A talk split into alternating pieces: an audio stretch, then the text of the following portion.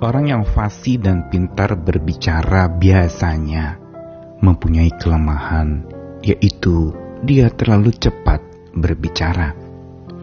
Terlalu cepat berkata-kata, terlalu cepat mengumbar janji, terlalu cepat juga membuat keputusan tanpa pikir panjang. Ini kelemahan yang sering kali dimiliki oleh orang-orang yang berkutat di dunia berbicara atau yang pekerjaannya adalah berbicara seperti saya. Namun kita perlu jaga diri kita juga mulut dan bibir kita supaya kita tidak tergesa-gesa dengan perkataan kita. Itu pun yang saya sedang pelajari. Kita perlu belajar terus untuk supaya saat kita membuat janji, biar mata kita tertuju kepada Tuhan yang kepadanya kita berjanji Jangan sekali-kali membuat janji yang muluk-muluk tanpa mau tunduk kepada Dia.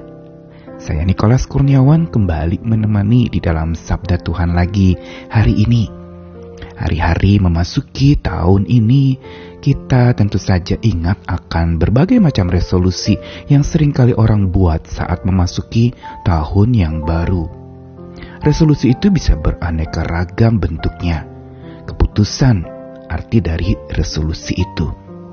Dan biasanya resolusi juga disebutkan sebagai sebuah istilah ketika sebuah persidangan atau rapat sudah berbicara, berdiskusi, maka keputusan dari rapat itu disebut resolusi. Karena itu resolusi memang setara dengan keputusan, dengan janji, dengan sebuah tindakan yang kita mau ambil sebagai tekad yang kita mau jalankan. Namun kitab suci mengingatkan kepada kita untuk hati-hati membuat janji.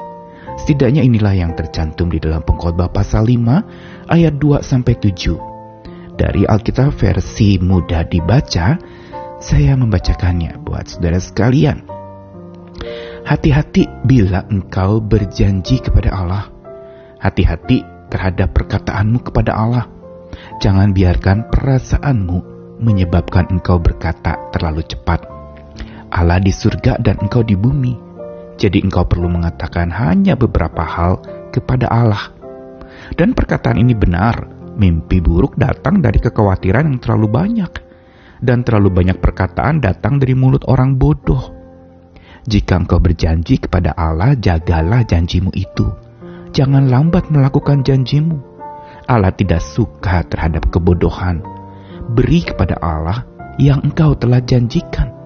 Lebih baik tidak berjanji apa-apa daripada menjanjikan sesuatu, tapi tidak dapat dilakukan. Jadi jangan biarkan perkataanmu membuatmu berdosa. Jangan katakan kepada imam bukan itu maksudku.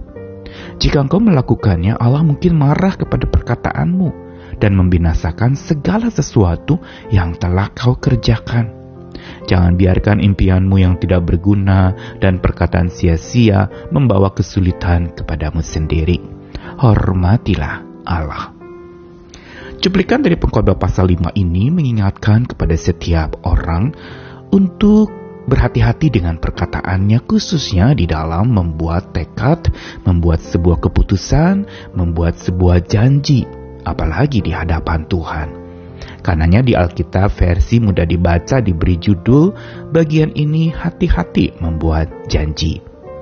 Ini juga berlaku untuk orang yang begitu cepat sekali berjanji tetapi tidak mudah bahkan tidak mampu untuk menepatinya. Karenanya tanda awas pertama diingatkan hati-hati bila berjanji kepada Allah. Hati-hati terhadap perkataan kepada Allah dan ini yang menarik sekali dalam versi ini dikatakan, jangan biarkan perasaanmu menyebabkan kau berkata terlalu cepat. Inilah alasan kenapa orang berbicara terlalu cepat, karena perasaannya mendahului perkataan. Sehingga bisa jadi dia jadi cepat marah, dia cepat menuduh, dia cepat menghakimi, atau mungkin dia cepat mengambil keputusan yang sebenarnya dia tidak tidak mampu untuk melakukannya sendiri. Dan dikatakan lagi bahwa Allah di surga dan engkau di bumi. Jadi engkau perlu mengatakan hanya beberapa hal kepada Allah. Apa yang diingatkan dalam kitab pengkhotbah ini adalah bagaimana kita berhati-hati menjaga perkataan kita. Dan ini yang patut kita pegang di dalam memasuki hari esok. Karena perkataan kita yang kita buat tekad, janji, dan segala keputusan, resolusi yang kita buat, sering kali itu justru jadi bumerang buat kita sendiri.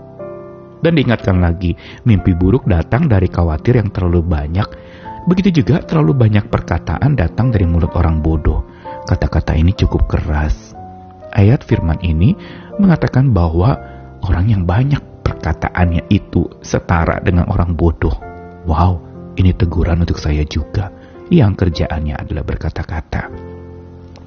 Dan diingatkan lagi bahwa jika engkau berjanji kepada Allah, jagalah janjimu itu. Jangan lambat melakukan janjimu. Allah tidak suka kepada kebodohan.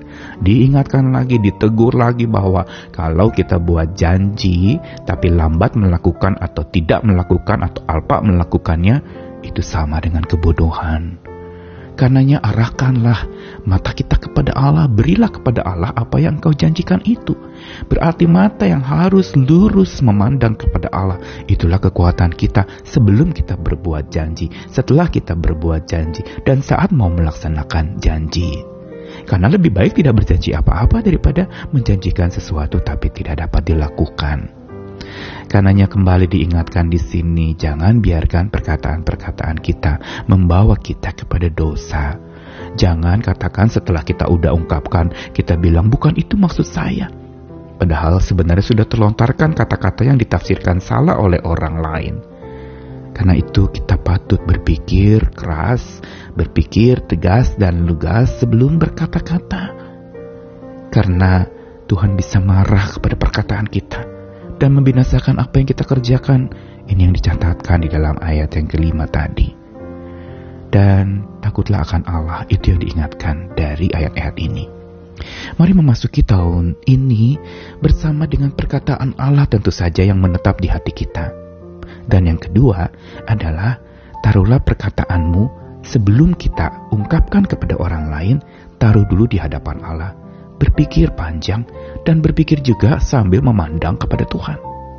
Berpikir memandang berarti adalah bahwa kita patut untuk mengoreksi diri, mengintrospeksi diri, apakah dengan saya berbicara ini akan menghasilkan sesuatu yang memuliakan nama Tuhan, atau malah kata-kata saya akan menjadi luka buat orang lain, akan membuat orang bahkan tersebar luaskan keburukannya, dan itu merusak tubuh Kristus, bahkan kerajaan Allah dirusakkan oleh perkataan kita yang digerakkan oleh perasaan kita yang maju lebih dulu sebelum kita berkata-kata. Teguran hari ini memang membawa kita kepada sebuah langkah kedewasaan untuk supaya jangan buat resolusi tanpa bangun relasi dengan Tuhan kita. Dan jangan buat janji muluk tanpa tunduk kepada Tuhan kita. Karena tanpa Tuhan kita, resolusi atau keputusan kita hanya akan jadi ilusi atau hayalan belaka. Tidak akan terjadi apa-apa dan berubah apa-apa karena kita melakukan resolusi itu tanpa relasi dengan Tuhan. Dan janji kita pun hanya akan jadi mimpi. Janji-janji tinggal janji. Bulan madu hanya mimpi. Nah, karena itu mari kita hati-hati dengan mulut kita sebelum berjanji, sebelum membuat keputusan, pikir panjang, pandang Tuhan, dan terus berjalan bersama dengan Tuhan sebelum engkau berkata, sesudah engkau berkata, dan saat engkau berkata-kata. Tuhan mengasihi kita sekalian, ayo jaga kata-kata kita memasuki hari esok supaya lebih tenang hidup kita. Amin.